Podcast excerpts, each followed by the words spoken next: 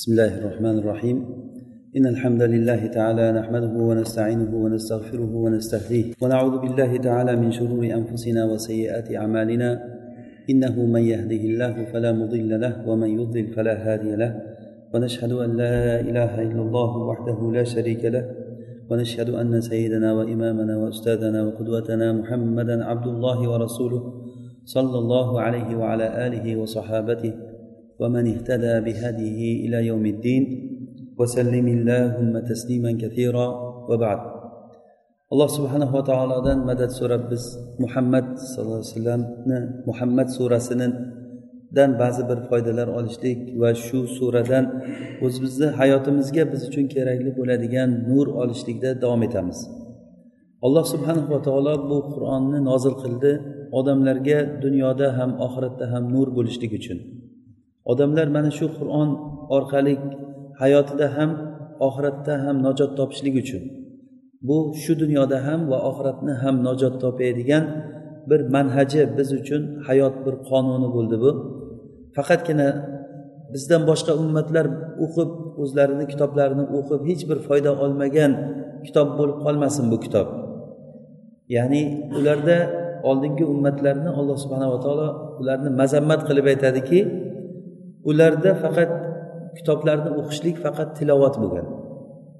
Kitobni faqat ular mujarrad shu tilovat qilib o'qigan uni ichidagi narsadan foydalanolmagan kitobni o'qib undan foydalanmagan kishilarni alloh subhanava taolo bir joyda ularni kuchuklarga o'xshatgan bo'lsa ba'zi bir joyda ularni akramakumulloh ya'ni eshakka o'xshatgan. Ya'ni kitob ularga yuklatilinib uni ichidagi ma'nisini bilmagan va uni haqqiga rioya qilmagan odamlar xuddiki ustiga kitob ortilingan eshakka o'xshaydi degan qur'onda.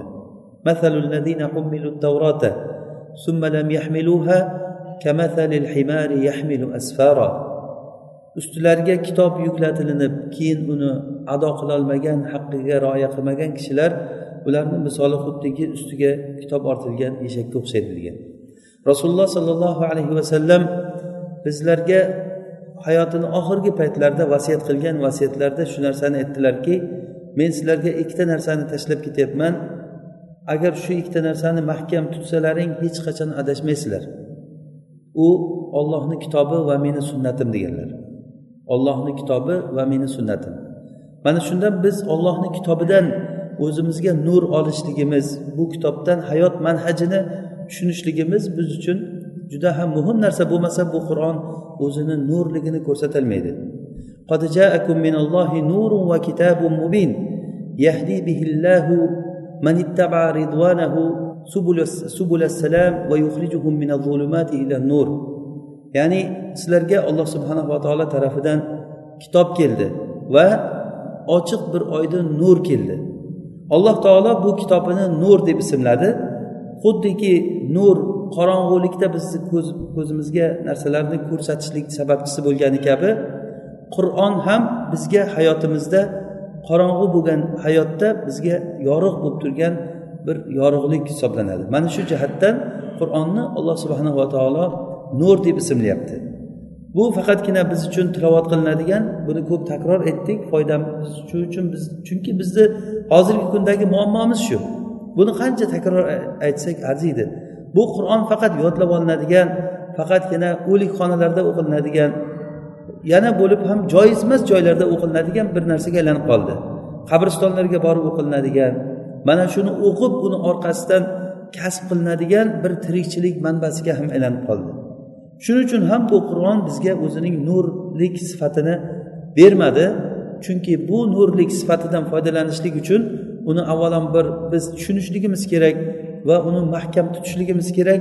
Uni ichidagi shart qo'ygan shartlariga biz muvofiq ravishda harakat qilishligimiz kerak.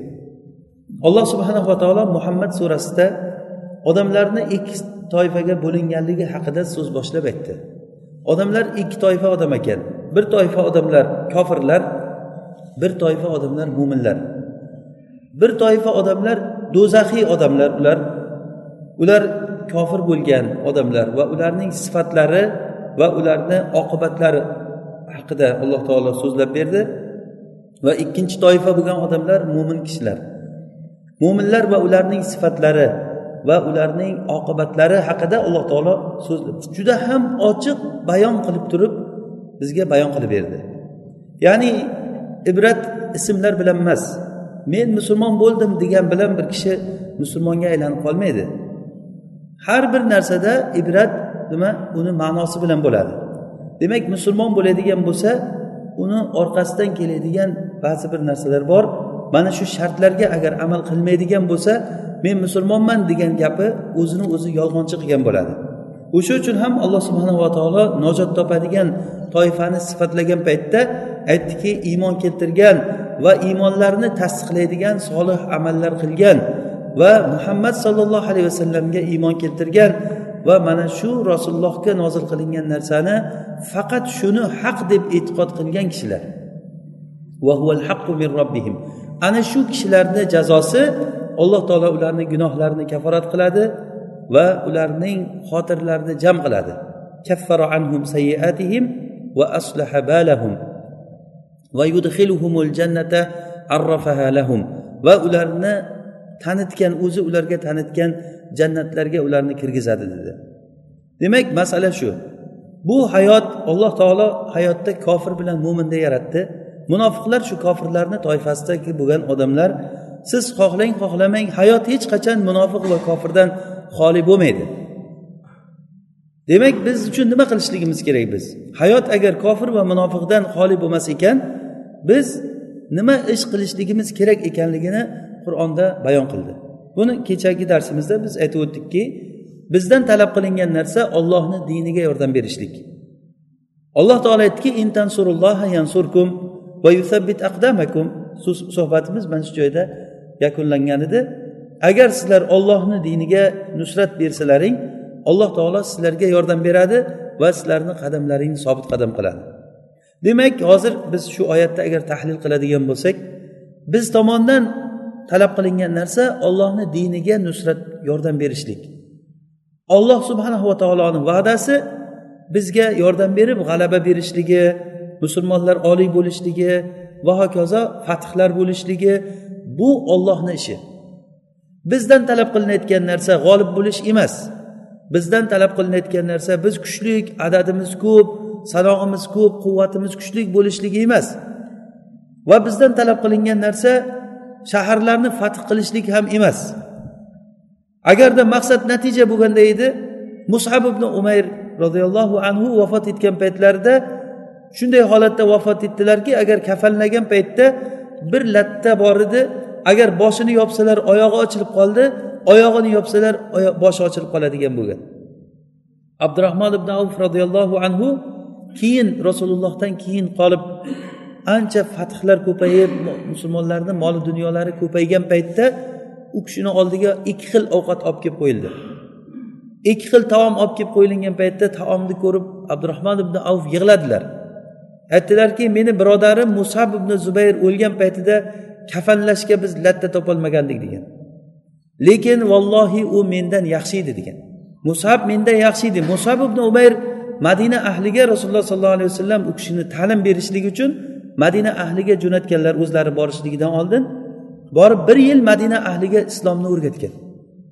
Butun madina ahli islomga kelib ularni dinda faqih bo'lishligiga sababchi bo'lgan kishi mana shu kishi. Lekin fathlarni ko'rmasdan dunyodan o'tdilar. Vallohi u kishi mendan ko'ra yaxshi edi deyapti abdurahmon ibn avf lekin kafanlashlik kafanlashlikka lattasi bo'lmagan ustida. Demak maqsad bu g'alabalarni ko'rishligimiz emas.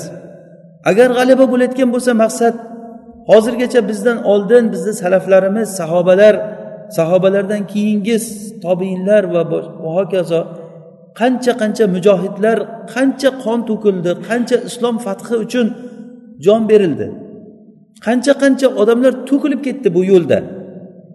Oxir oqibatda hozirgi kunga kelib turib musulmonlarni ahvolini ko'ring nima holatga kelib qoldi. Endi bir kishi aytishi mumkinmi? Musulmonlarni shuncha qilgan ishi puchga chiqib ketdi hammasi bekor bo'lib ketdi deb? Yo'q albatta. Shuning uchun ham biz mana shu tushunchani bilishimiz kerak.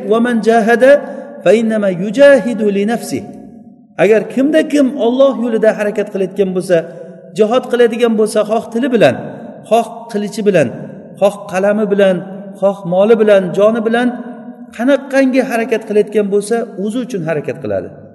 Inson hayoti tugashligi bilan uni amali yopiladi. Idamata ibnu adam anhu amaluhu. Rasululloh aytdilarki agar odam farzandi dunyodan o'tadigan bo'lsa uni amali tugaydi. Illo uchta narsadan amali davom etib turadi. Solih farzandi agar orqasidan duo qiladigan bo'lsa unga solih amal bo'lib yetib borib turadi va u ilm tarqatgan bo'lsa mana shu ilmi unga foyda berib orqasidan uni o'rgatgan ilmiga kim amal qilsa o'sha amalidan unga borib turadi. Va sadaqa jariya. Bu tugamaydigan bir vaqf qilib qo'ygan bo'lsa masalan masjid qursa madrasa qursa musulmonlar ommasi foydalanadigan bir umumiy ishlarni qilsa o'sha ishdan uni orqasidan savoblar borib turadi. Demak har bir kishini o'zini o'limi bilan hayoti tugaydi qiyomati bo'ladi.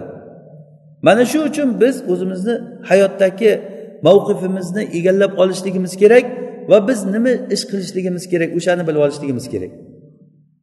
Bir narsani yaxshi bilaylikki hozirgi kunda biz uchun din dushmanlari bizni adashtirishlik uchun o'ylab topadigan istilohlardan biri rijaluddin degan bir istiloh paydo bo'lgan ya'ni din xodimlari. Bu istiloh o'z uz o'zidan paydo bo'lmagan. Din xodimlari degandan chiqadiki din xodimi masjidda o'tiradigan bir odam bo'lishi kerak. Hurmatli ya'ni o'ziga yarasha odam uni jamiyat uni e'tirof etadigan bir kishi din xodimi u. Ya'ni dindor odam masjidda o'tiradigan odam degani. Bu bilan din bilan xalqni o'rtasida bo'linish paydo qilishlik uchun chiqarilgan istiloh bu. Va odamlarga bilib bilmasdan bu istiloh singib ketdi. Ya'ni har bir musulmon kishini vojibi har bir musulmonni vazifasi ollohni diniga yordam berishlik. U kim bo'lishidan qat'iy nazar? Erkak kishi bo'lsin xotin kishi bo'lsin yosh bo'lsin katta bo'lsin qarri bo'lsin qo'lidan nima kelsa o'sha narsani qilishligi. Mana shu narsa talab qilingan. U rijaluddin din xodimlari degan narsa bu kofirlar tarafidan islomni buzish uchun tayyorlangan maxsus chiqarilingan istiloh bu narsa. Ilmoniylar tomonidan chiqarilgan narsa ya'ni din xodimlari degan narsa. Bizni shariatimizda din xodimlari musulmon kishilarni hammasi degani. La ilaha illalloh muhammad rasululloh dedingizmi siz din xodimi bo'lasiz. Xoh ko'chada bo'ling xoh uyda bo'ling xoh masjidda bo'ling. Din bu masjidda bo'ladi tashqarida siyosat ko'chada bo'ladi. Mana bu narsani biz bu hayotni bir ozroq vaqtini yashab o'tdik. Misrda qo'zg'olonlar bo'lgan qo'zg'olonlar bo'lgandan keyin odamlarni qaysisi mo'min va kim munofiq ekanligi shunday yuzaga chiqdi. Ahmad ismli muhammad ismli odamlar masjidga keladi namoz o'qiydi.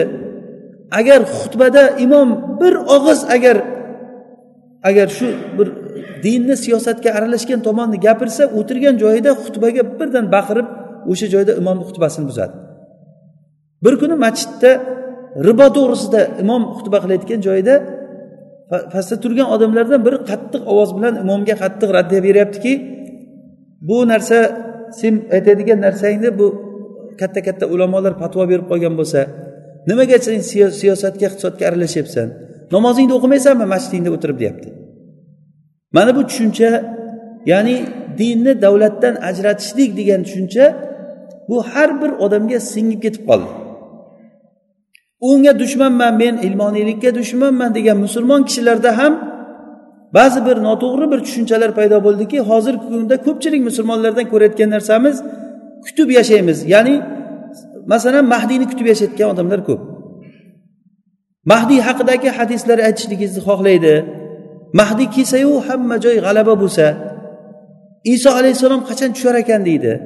Ya'ni qiynalganligidan u yoqdan bu yoqdan qiyinchilik bo'laverganligiga fathni xohlaganligi uchun qachon iso alayhissalom tushar ekan? O'shanda iso alayhissalomni yonida tursayu butun kofirlar hammasi qirilib ketsa. Ya'ni biz bir narsani to'g'ri tushunishimiz kerakki bizdan talab qilingan narsa kofirlarni qirilib ketishligi dunyoda umuman kofir qolmasligi emas. Bizdan talab qilingan narsa ollohni rozichiligi. Olloh bizdan qachon rozi bo'ladi? Adadimiz ko'p bo'lsa quvvatimiz kuchli bo'lsa rozi bo'ladimi? yo hamma joy islom davlati bo'lsa o'sha islom davlatidagi hamma odamdan alloh taolo rozi bo'ladimi yo o'sha islom davlati bo'lgandan keyin ham o'sha joyda fitnalar o'sha joyda sinovlar davom etadimi تبارك الذي بيده الملك وهو على كل شيء قدير الذي خلق الموت والحياة ليبلوكم أيكم أحسن عملا alloh subhanava taolo aytadiki alloh taolo o'lim bilan hayotni yaratdi sizlarni imtihon qilishlik uchun qaysilaring go'zal amal qilishliklaringni ko'rishlik uchun. Ayyukum ahsanu amala. Demak bizdan talab qilingan narsa qaysi birimiz yaxshi amal qilishligimizni alloh taolo ko'rish uchun bizni imtihon qilishlik uchun bu hayotga yaratdi. Siz albatta imtihon qilinasiz. Imtihondan qochib odamlar ko'pchilik odamlarni xayolidagi narsa tinch yashashni xohlaydi. Ya'ni bu tinchlikni hammamiz xohlaymiz. Bu tinch yashashda maqsad toat qilmasdan tinch yashashni xohlaydi odamlar. Toatni evaziga dindan ketishlikni evaziga tinch yashashlikni xohlaymiz. Mayli din qancha yo'qolib ketsa yo'qolib ketsin. Qancha nomusimiz to'kilsa to'kilsin izzat obro'yimiz to'kilsa to'kilsin lekin tinch bo'laylik. Haligi o'zimizdagi aytganday o'ldirsang o'ldir qonimga teppa degan maqolga o'xshagan nima qilsang qil dinimni olasanmi so'kasanmi urasanmi obro'yimga tegasanmi nomusimga tegasanmi o'ldirmasang bo'ldi. Non berib tursang bo'ldi. Qo'pol gaplar lekin afsuski hozir hayot mana shu holatga tushib qolgan. Sababi biz o'zimizni kim ekanligimizni bilmaganligimiz uchun. Mana shu hozirgi biz e, aytadigan muhammad surasida ushbu ma'nolar haqida alloh subhanava taolo odamlarni ikki toifa ekanligi ularning bir toifasi kofir va ularni sifati ollohni diniga to'sqinchilik qilishlik ularni sifati ollohni diniga to'sqinchilik qilishlik. Bo'lmasa masalan butun adolatni davo qilib chiqqan davlatlar demokratiyani davo qilib chiqqan davlatlar inson huquqlarini davo qilib biz insonlarni erkini beramiz. Shu erkini berishligini bitta isboti agar ikkita erkak kelib biz er xotin bo'lmoqchimiz ikkovimiz desa majburki unga er xotin sizlar deb turib dokument qilib berishlikka hujjat qilib berishlikka majburmiz degan jamiyatlar ayol kishi niqob o'rasa o'rama niqob deydigan holatda hozir. Masalan mana fransiyada toliba qizlarni niqob bilan yurishligini man qilyapti masalan.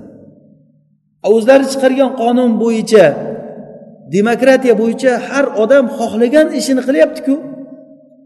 Yaqinda bir nimani ko'rdim? Bir qiz bola o'n sakkiz marta yuzidan amaliya qildirib turib o'zini shayton e, qilaman deb turib shu shaklini o'zgartirgan. Inson agar fitratini yo'qotsa judayam endi oxiri bo'lmas ekan bu narsani. O'shalarga ruxsat hech kim hech narsa demaydi unga. Hech narsa kiymasdan axloqsiz ko'chada yursa ham birovni haqqi yo'qki sen nima uchun shunday qilib yuribsan deyishga. Chunki u erkin o'zini ixtiyorini o'zi qila oladigan hur fikrlaydigan odam bizni davlatimiz mana shunaqangi erkinchilikka ruxsat beradigan davlat deb e, xotin bilan xotin kishi agar oila quraman desa erkak bilan erkak agar oila quraman desa bachchavozliklar desa o'shanga o'sha kanisalari majburki shunga ruxsat qilib ochib berishlikka. Lekin shu ayni mana shu paytni o'zida agar ayol kishi niqob o'rayman desa mumkin emas. Nega desa sen boshqa bir erkaklarni chiroyli narsaga qarashdan man qilyapsan der ekan. Biz bunga ajablanmaylik. Bu ularni xulqi sifati uni.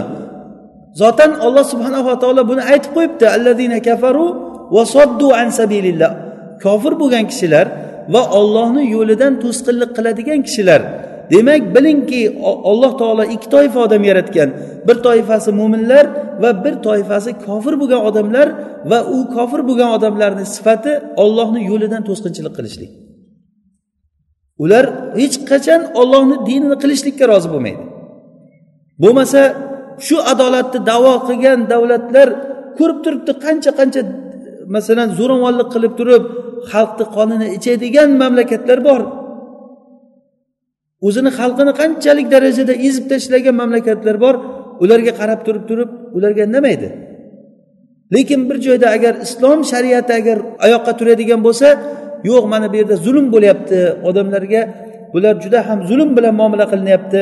Bularni qutqarishligimiz kerak biz degan davolar ostida harakat boshlanadi. Bundan ajablanmang chunki bu kofirlarni o'zini sifati ollohni yo'liga to'sqinchilik qilishligi. Biz bilaylikki odamlardan bir toifasi bor ular kofir va ular ularni qilayotgan ishlari ollohni yo'liga to'sqinchilik qilishlik butun vujudi bilan to'sqinchilik qilishlik ular bizni yomon ko'radi. Musulmonlarni shunchalik darajada yomon ko'radiki ular hech qachon musulmonlarga do'st bo'lmaydi. Musulmonlar mana shu aslni bilmaganligi uchun ular o'ylaydiki ularga yaxshilik qilsak bizni yaxshi ko'rib qoladi. Yoki ba'zi bir ishlarimizni qilmay tursak ular bizdan rozi bo'ladi. Sizlar xato qildilaring mana bu mana bu toat ishlarini bajaruvdilaring. Keyin ular bizni yomon ko'rib qoldi. Ana endi hammamizni endi yomon ko'rib qoldi sizlarga qo'shib. Deydigan odamlar bor. Bu bir narsani tushunishligimiz kerakki kofirlarni sifati ollohni yo'liga to'sqinchilik qilishlik. Va natija nima? Alloh taolo aytdi bir toifa bor kofirlar va ularni sifatlari va ularni oqibati nima? Va adalla amalahum. Lekin ularni oqibati ularni oqibati mana shunaqangi tasallahum. Tas kalimasi arab tilida yomon ko'rgan kishisi agar noto'g'ri ishni qilsa o'shanga masalan bir siz yomon ko'rgan odam yo'lda ketishlikda bir yo'lda qoqilib ketsa o'sha odamga aytilinadigan kalima. Ya'ni battar bu degan ma'noda. Demak ularni qilayotgan ishlari ziyonga kirdi va ularni amallarini alloh taolo adashtirdi. Ular hayotda farzand tarbiya qilishda ham o'zlarini mollarini sarflashlikda ham o'zlarini sog'ligini butun umrini robbul alaminni diniga dushmanchilik qilishlikda hayotini o'tkazib hayotini barbod qildi o'zini o'zi vayron qildi. Ular haqida alloh taolo shu surani davomida aytadiki dammarallohu alayhim valil kafirina amsaluha. Alloh taolo ularni umman tagida ustidan qulatdi ularni. Dammaro kalimasi o'zi mafulga mana arab tilini bilganlar tushunadi. Dammarallohu alayhim demasdan dammarahumulloh deyish kerak aslida. Ammo mutaaddiy bo'lgan fe'lni mutaaddiy fe'liga mafuliga qo'shishlik paytida ala bilan qo'shishligi yana ham bir qo'shimcha bir ma'no beradiki ala o'zi istilo ma'nosini berayotgan narsa ya'ni alloh subhanava taolo vayronani ularni ustiga olib keldi. Hech bir narsa ular ular hech bir ziyondan qochib qutulolmadi. Na farzandlarida na o'zlarida na amallarida hayotida hech bir yaxshilik ko'rmadi. Buni biz tushunishligimiz uchun qur'onda mana shunday ochiq bir vodih qilib turib alloh taolo bizga aytib qo'yibdi. Agar biz qur'on oyatlari bilan va'zlanmaydigan bo'lsak rasululloh sollallohu alayhi vasallamni hadislari bilan va'zlanmaydigan bo'lsak bizdan oldingi ummatlarga qarashlikni alloh taolo shu surani davomida aytdiki afalam yasiru fil ardi fayanzuru kayfa kana aqibatu allazina min qablihim? Dammarallohu alayhim valil kafirina amsaluha sizlar yerda sayr qilib yurib sizlardan oldingi kishilarni oqibati qanday bo'lganligiga qaramaysizlarmi? Mayli ollohni kalomiga ishonmasin rasulullohni gapiga ishonmasin lekin aqli bor bo'lgan kimsa o'zidan oldingi odamlarni hayotiga ko'rmaydimi? Bu qur'on ularga xitob qilinayotgan odamlar quraysh kofirlari edi. Quraysh kofirlariga quraysh kofirlariga alloh taolo buni aytyapti chunki bular o'zlaridan oldingi ummatlarni halok bo'lib ketganligini o'zlaridan oldingi ummatlarni halok bo'lib ketganligini alloh taolo ko'rsatib qo'ygan. Rihlata shitai va soyf degan ilafi quraysh? Ilafihim rihlata shitai va soyf. Ularni makka quraysh nimalar kofirlarni ikki marta safari bor edi bir marta shomga safar qilishardi bir marta yamanga safar qilishardi. Shomga safar qilgan paytda ya'ni shom makkani tepasida shomga safar qilgan paytda u yerda samud qavmini va lut qavmini qasrlarini ularni uylarini ko'rishardi ular. O'sha qasrlari hozirgacha turibdi. Samud qavmini qurgan qasrlari hozir ham bor. Agar imkon bo'lsa ko'rsa bo'ladi odam borib. O'shalarni ko'rib o'tar edi ular. Ya'ni ularni yo'lida bo'lgan. Aynan o'sha lut qavmini uylari teskari bo'lib turgan holatini uylari teskari bo'lib turgan holatini ular ko'rib o'tgan.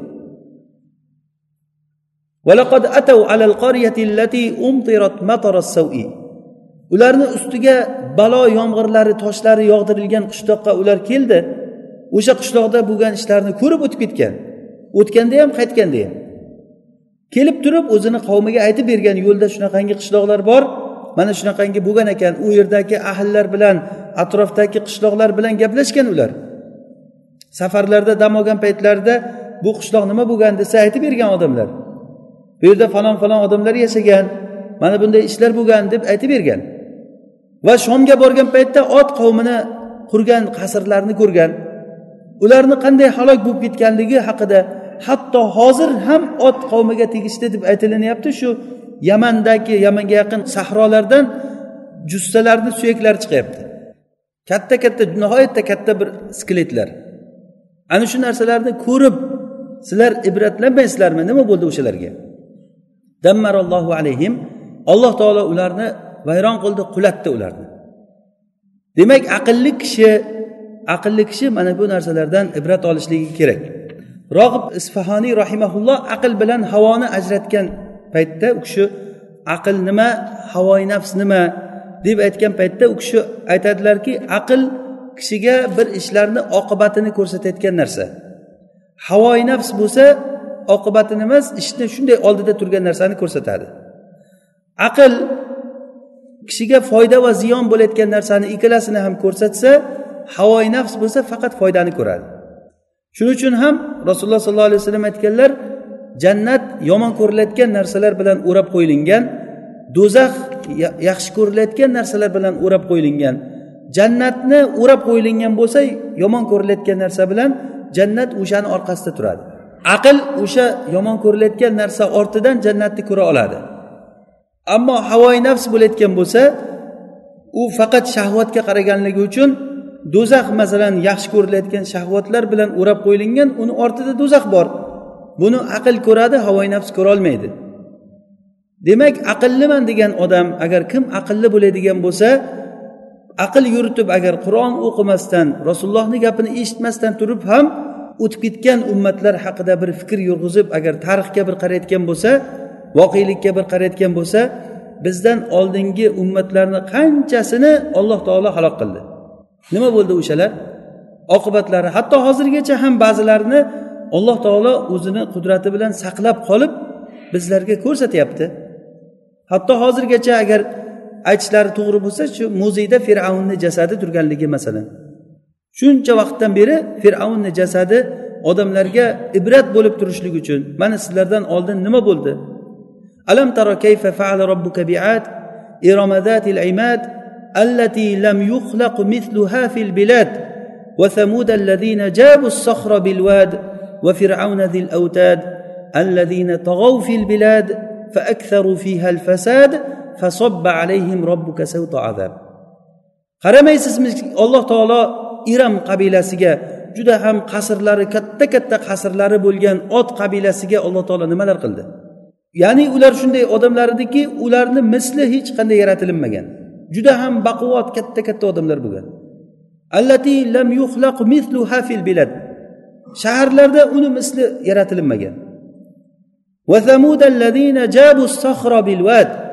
va vodiylarda katta katta xarsang toshlarni yorib ichlaridan uy qilgan xohlaganidek qilib uy solgan. Hozirgacha turibdi shularni qasrlari. Mana shu samud qavmiga qaramaysizlarmi? Va piramida egasi bo'lgan fir'avnga qaramaysizlarmi ular alladina fil bilad ularni sifati shaharlarda ular tug'yon qildilar. Shaharlarda fasodni ko'paytirdilar. Natija nima bo'ldi? Fasobba alayhim robbuka savto adab natija shu. Ularni ustiga alloh taolo azob hamchisini ularni ustiga quydi. Azobni ularni ustiga olib keldi alloh taolo.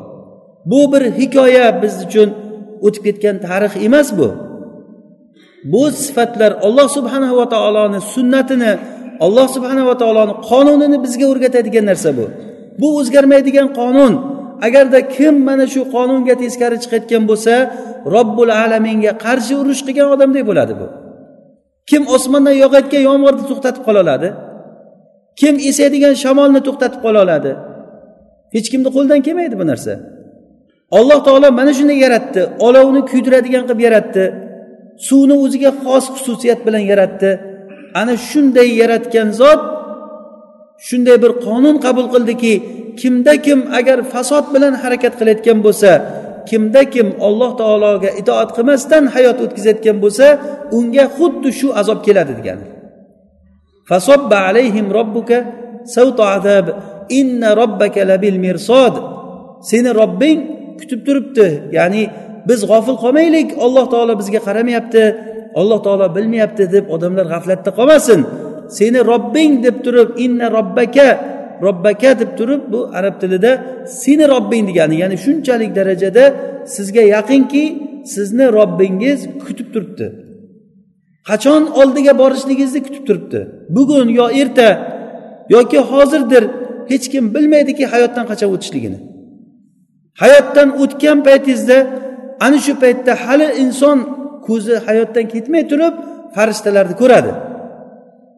Yo rahmat farishtasini ko'rasiz yoki azob farishtasini ko'rasiz. Olloh asrasin hammamizga alloh taolo nasib qilsin rahmat farishtasi kelib jonlarimizni olishlikni lekin bu bo'ladigan narsa. Hozirdan ko'zni ochib odam qayerga ketayotganligini uyg'onishlik kerak. Mana shu uchun alloh subhanava taolo bizga ushbu masalalarni aytyaptiki valil kafirina amsaluha. Kofirlarga xuddi o'sha oldingi o'tgan ummatni misollari bo'ladi. Xuddi shu narsani rum surasini boshida alloh subhanava taolo ya'ni rum mag'lub bo'lganligi haqida aytadi.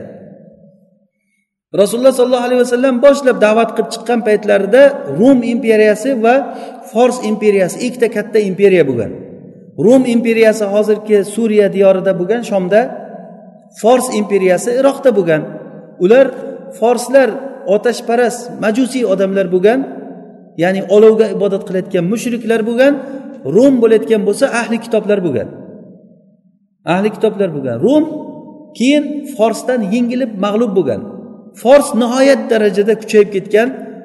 Odamlarni hech qaysini aqliga to'g'ri kelmaydigan holatga kelib kuchayganki hech qachon shu rum forsga g'olib bo'ladi degan narsa odamlarni aqliga to'g'ri kelmaydigan bir holatda bo'lgan. Shunda rasululloh sollallohu alayhi vasallamga oyat nozil bo'ldiki alif lam mim g'ulibati rum fi adnal ardi va hum min ba'di g'alabihim sayaghlibun fi bid'i sinin. Lillahil amru min qablu va min ba'd. Ya'ni hozir rum mag'lub bo'ldi. Bir qancha yildan keyin ya'ni o'n yilga yaqin muddatni ichida rum forsdan yana g'olib bo'ladi degan oyat tushdi. Bu oyat tushgan paytida hech qaysi odamni xayoliga ham kelmasdiki shunchalik katta imperiya bo'lgan fors mag'lub bo'ladi deb hech o'ylamasdi. Va buni ishonmadilar mushriklar. Hatto umayyat ibn halaf ishonmaganligidan abu bakr bilan garov o'ynadi. Abu bakr aytdiki bu bo'ladi albatta deganda bo'lmaydi hech qachon bo'lmaydi deganda garov o'ynaymiz deb turib qanchadir bir tuyadan garov o'ynashgan. U payti garov harom bo'lmagan payti bo'lgan. Ya'ni abu bakr siddiq rasulullohdan eshitgan xabarini tasdiqlaganligi uchun qo'rqmasdan bemalol garov o'ynaganlar. Ya'ni u lekin hozir aytmoqchi bo'lganimizki forsni mag'lub bo'lishligi odamlarni xayoliga kelmaydigan narsa bo'lgan. Xuddi hozirgi kundagi biz eng kuchli davlat deb o'ylagan kofirlar davlatini mag'lub bo'ladi degan narsa xayolimizga kelmaganiga o'xshab. Lekin bizga mana shu sura nozil bo'lganligi va hozirgacha tilovat qilinishligi bir narsani o'rgatadiki lillahil amru min qablu va min ba'd. Oldin ham keyin ham ish ollohni qo'lida. Yana takror aytamiz bizdan talab qilingan narsa bizni g'olib bo'lishligimiz emas. Bizdan talab qilingan narsa kofirlarni qirib o'ldirish emas. Bizdan xohlangan narsa biz ollohni rozi qilayotgan ishni qilishligimiz g'olib bo'lsak ham mag'lub bo'lsak ham boshliq bo'lsak ham yoki qo'l ostida bo'lib tursak ham. Tobiy bo'lasizmi matbu bo'lasizmi rais bo'lasizmi marus bo'lasizmi uni farqi yo'q. Xuddiki ibrohim alayhissalomni yoqish paytidagi alangada chumoli og'zi bilan suv toshigan paytda haligi bu isroiliyatlardan kelsa ham bir ibratli bo'lganligi uchun ko'p aytamiz shu chumoliga sen qanaqasiga aql bilan qilyapsan bu ishingni?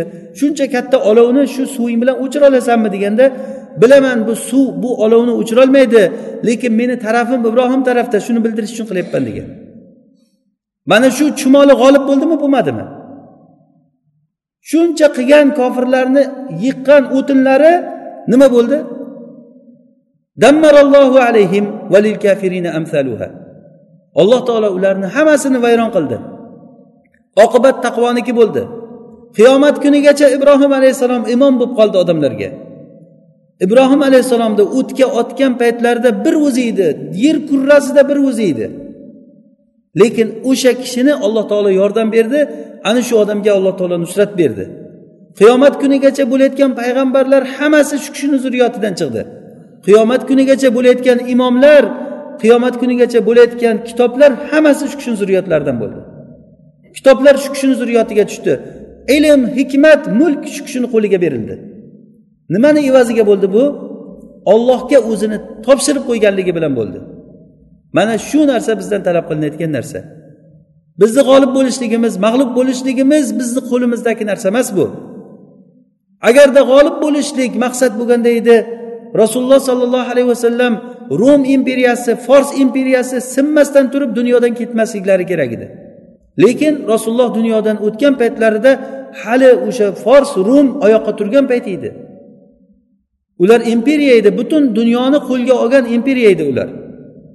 Barcha shaharlar ularga pul to'lab turar edi lekin mana shunday holatda bo'lsa ham shunday holatda bo'lsa ham rasululloh sollallohu alayhi vasallam dunyodan o'tganlaridan keyin bu ish hech qachon to'xtamadi.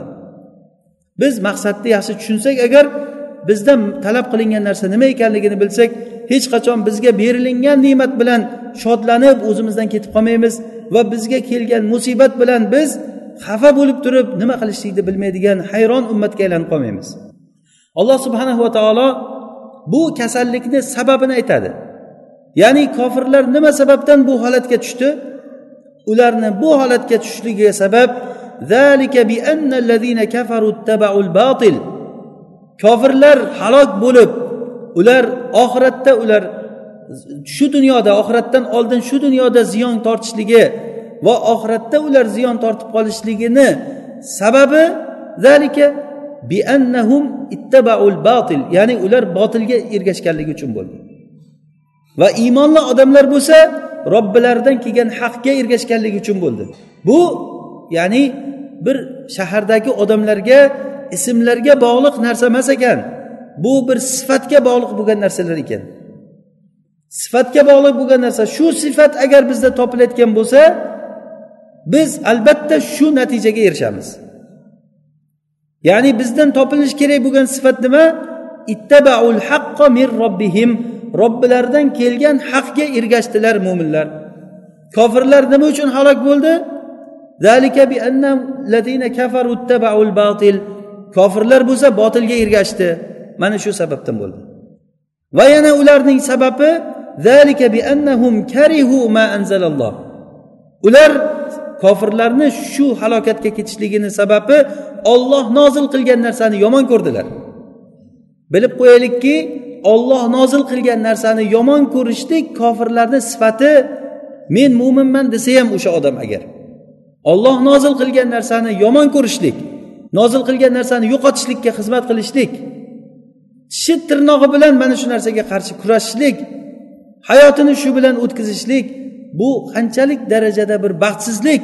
Shuning uchun ham alloh taolo aytyaptiki fataasallahum o'lib ketsin shu odamlar degani. Fata asallahum va amalahum. Demak ularni kofirlarni halok bo'lib ketishligini sababi ular birinchidan botilga ergashdi ikkinchidan ular olloh nozil qilgan narsani yomon ko'rdi. Mo'minlar bo'layotgan bo'lsa najot topishligini sababi ular robbilaridan kelgan haqga ergashdi. Faqatgina shu haqni rost deb tasdiqlab qo'ymadilar.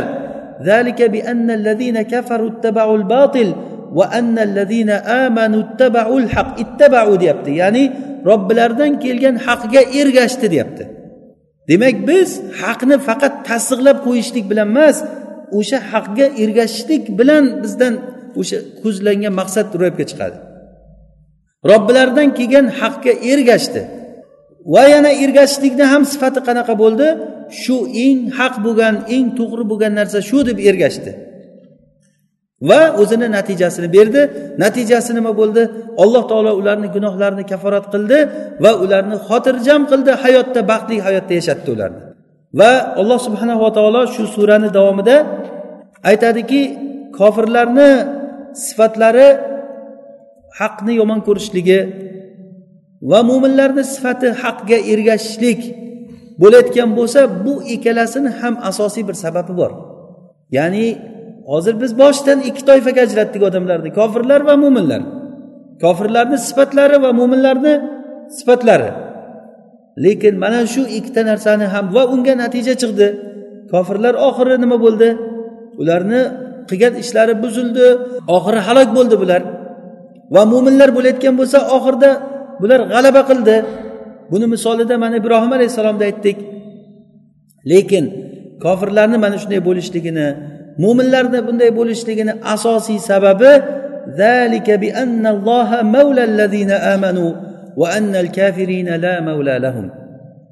buni sababi zalik ya'ni arab tilida zalik degani mana shuncha aytilingan narsalarni sababi olloh taolo mo'minlarni mavlosi bo'lganligi uchun. Siz hech o'ylaysizmi shu hayotda kelib islomga kelib haqni istab yurganligingiz nima sababdan deb hech o'ylab ko'rgansizmi? Agar o'ylagan bo'lsangiz yaxshi bo'lmasa bilib qo'yingki bu olloh sizni mavloyingiz bo'lganligi uchun. Sizni qo'llaringizdan ushlab hidoyatga qarab o'zi yo'lladi. Odamlar adashib yurgan milliardlagan odamlar butga sig'inib yurgan bir paytda siz robbim mendan nima qilsam rozi bo'lar ekan deb turib haqni istaydigan bo'lib qolganligingiz buni sababi bitta olloh sizni mavloyingiz ekanligi. Va ammo kofirlar bo'layotgan bo'lsa ularni hech bir mavlosi yo'q. Va annal kafirina la mavla lahum.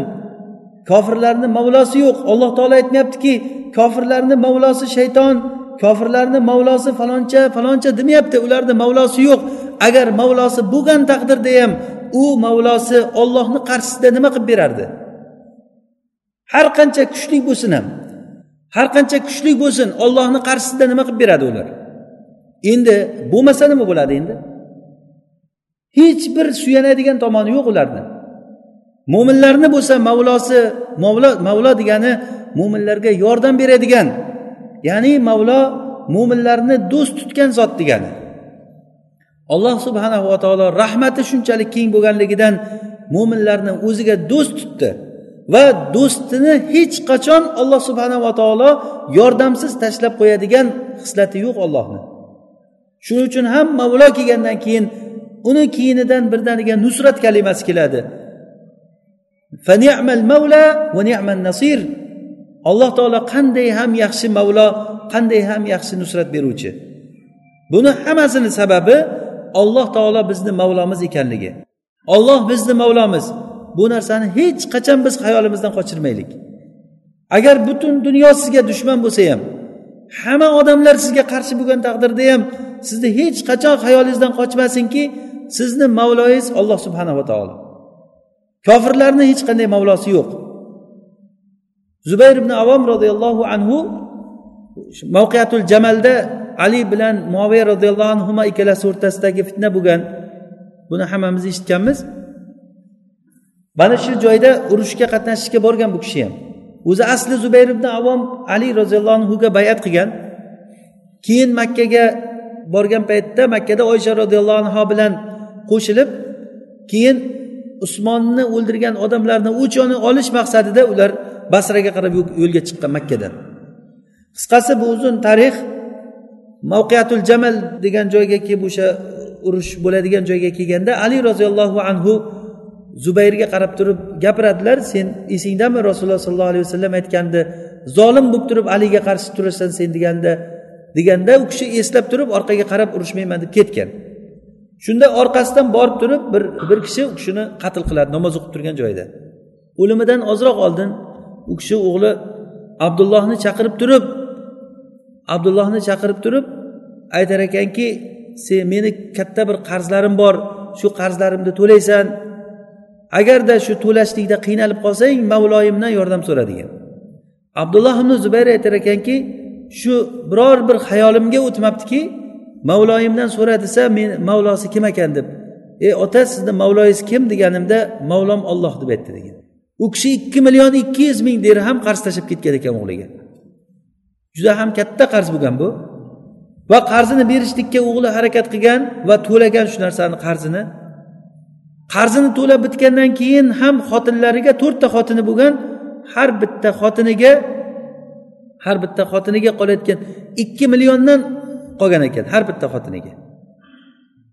Ya'ni bu judayam katta bir mablag' buxoriy rahimaulloh o'zini sahihida shahidni moliniga olloh baraka berishligi degan bob ajratgan. Ya'ni bab alloh taolo shahidni moliga baraka berishligi deb shuni keltirgan. Ya'ni aytmoqchi bo'lgan joyimiz shuki agarda qiynalib qolsang meni mavlomdan sen yordam so'ragin degan joyi. Abdulloh aytadiki men qaysi bir joyda agar qiynalib qolsam bir joyga bir muammoga kirib qolsam ey zubayrni mavlosi yordam ber der edim ishim ochilib ketaverardi degan. O'g'li otasini qarzini to'lagan. To'lab bitgandan keyin keyin merosni bo'lib bergan odamlarga. Ya'ni buni uzun qissasi bor. Qancha qanday to'lagan nima qilgan? Qisqasi o'sha joyda olloh subhanahu va taoloni sahobiy meni mavlom olloh degan tushunchani qanchalik aqidasiga singib ketganligi. Bizni mavlomiz olloh taolo bo'ladi. Har qanday qiynalgan paytingizda kasal bo'lasizmi qiynalasizmi albatta siz mavloyingizdan ollohdan yordam so'rashlikka o'rganing. Alloh taolo bizga shunchalik yaqinki va nahnu aqrobu ilayhi minkum valakin la tubsirun. Bir qancha oyatlarda keladi sizlarga biz yaqinmiz biz unga hablul variddan ko'ra yaqinmiz ya'ni odamni bo'yin tomiridan ko'ra insonga yaqinmiz degan. Alloh taolo qalblar ichida bo'layotgan narsalarni bilib o'tiribdi. Olloh hozir shu o'tirgan odamlarni hammasini ichida nima bo'layotganligini bilib o'tiribdi. Kim nima maqsadda o'tirganligini nimani o'ylab o'tirganligini. Demak bu narsa bizni e'tiborimizdan hech ham chetda qolmaslik kerak. Kim xohlasa ana shunday robbil alaminni o'ziga mavlo tutib do'st bo'lsin xohlagan odam shu ollohga qarshi kurashsin. Yakfur inna atadna jahannama lil kafirin. Biz jahannamni kofirlar uchun tayyorlab qo'ydik degan. Uni alangalari uchqunlari ularni egallab olgan jahannam odamlarni egallab turadigan jahannam tayyorlab qo'ydik. Xohlagan odam shunday mehribon bo'lgan ollohni rahmatiga qarab shoshilsin xohlagan odam o'zini o'zi hayotini besh kunlik hayotini o'zi uchun emas o'zi uchun bo'lsa ham mayli deding. Birovni baxti uchun o'zini hayotini sotgan odam eng ahmoq odam bo'ladi. O'ziki ahmoq odam ahmoq odam o'zini oxiratini bu dunyosiga dunyosiga almashtirib qo'ygan odam ahmoq odam bo'ladi. Ya'ni dunyoni shahvatiga berilib oxiratni esdan chiqarib qo'ygan odam ahmoq odam. Lekin undan ham ko'ra ahmoqroq odam birovni dunyosi uchun o'zini oxiratini bergan odam undan ham ko'ra ahmoq odam bo'ladi. Hozir olloh asrasin ba'zi bir kishilar kimnidir yaxshi yashashligi uchun kimnidir kuch ko'payishligi uchun o'zini hayotini sotib o'zini hayotini barbod qilayotgan odamlar bor.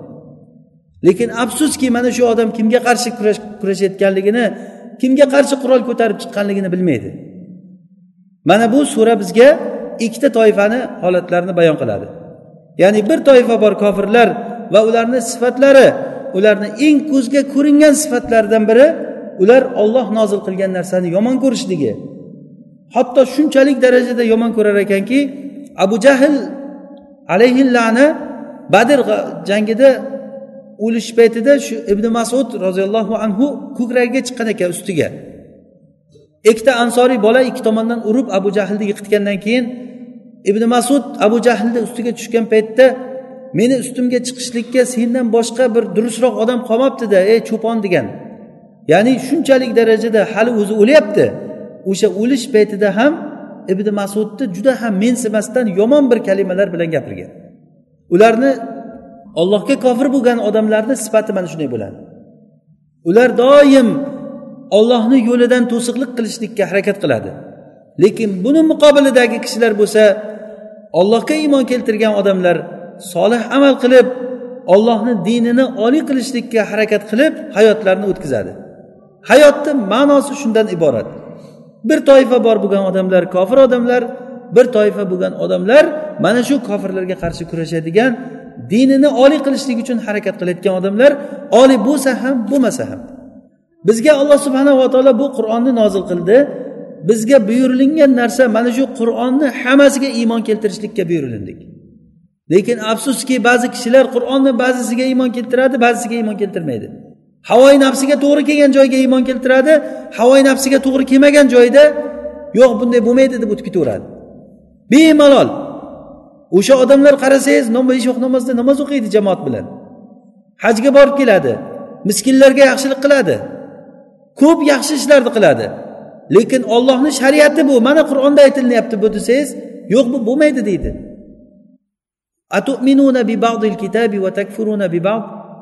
Ollohni ba'zi kitoblariga iymon keltirib ba'zi joyiga iymon keltirib ba'zi joyiga kofir bo'lasizlarmi?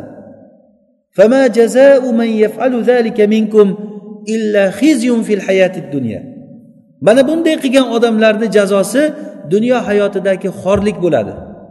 Biz mana shu xorlikni boshimizdan kechirdik. Bu boshimizdan kechiradigan xorlik nima uchun bo'lyapti? Ollohni ba'zi oyatlariga amal qilib ba'zi oyatlarga amal qilmaganligimiz uchun bo'lyapti bu narsa. Bizdan oldingi kishilar mana shu narsalarga amal qilmaganligini buni faturasini biz to'layapmiz hozir. Va biz qilgan ishlarimizni faturasini bizni farzandlarimiz to'lashligi kerak ana endi. Shu narsa shu kamchilik takrorlanavermasligi uchun biz hozirdan uyg'onishligimiz kerak. Ollohni nozil qilgan narsasini hiyla qilib turib eng o'sha shariatni peshvosiman degan kishilar zakot berish paytida hiyla qilib turib o'zini zakotini qopga solib haligi bir ko'za tilloni agar zakot berish kerak bo'lsa shu tilloni bug'doyni ichiga ko'mib qo'yar ekanda bir qop bug'doyga bitta kambag'alni chaqirib turib taqsir mana bu meni bir yilki zakotim ekan bir yilki zakotim ekan mana shuni sizga berdim deb unga berar ekan unga. Keyin u qopni endi olib chiqib ketaman deb turganda xohlasangiz shu qopni men sizga shuncha pulga sotib olaman deb ikki barobar narxini aytar ekan. U rozi bo'lar ekan qopni ko'tarib yuramanmi bering pulni deykan. Qayerdan bilsin ichida tilla borligini. Haligini sotib olib sotib olib turib o'zicha o'zi aytar ekanki bo'ldi men zakotni berdim va uni qaytarib sotib oldim deb o'zini o'zi ahmoq qilyapti chunki uni ichida katta tilla turibdi. U miskin bo'lsa olganiga shukur qilib chiqib ketyapti nima bilmaydi hech narsani. Mana shu bilan ollohni dinini ahmoq qilib turib harom narsalarni halol qilib halol narsani harom qilib kitobni ba'zisiga iymon keltirib ba'zisiga iymon keltirmasdan turgan bir paytda alloh taolo eng xor bo'lgan bir ummatni jo'natdi. Ular kelib turib turib ularni qonini ichdi o'sha xalqni. Hammasini qul qildi. Eng katta aybdorlarni birinchi bo'lib turib o'ldirdi.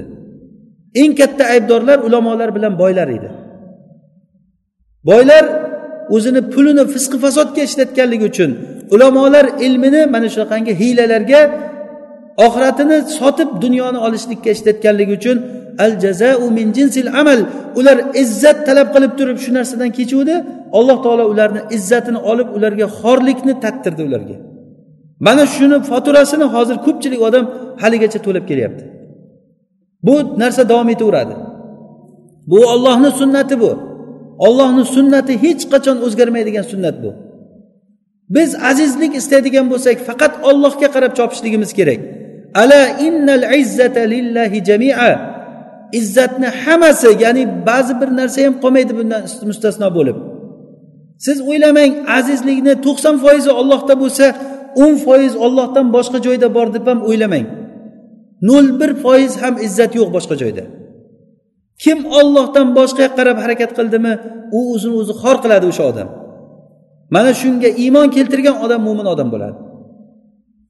Bu kitobni hammasiga iymon keltirishligimiz kerak.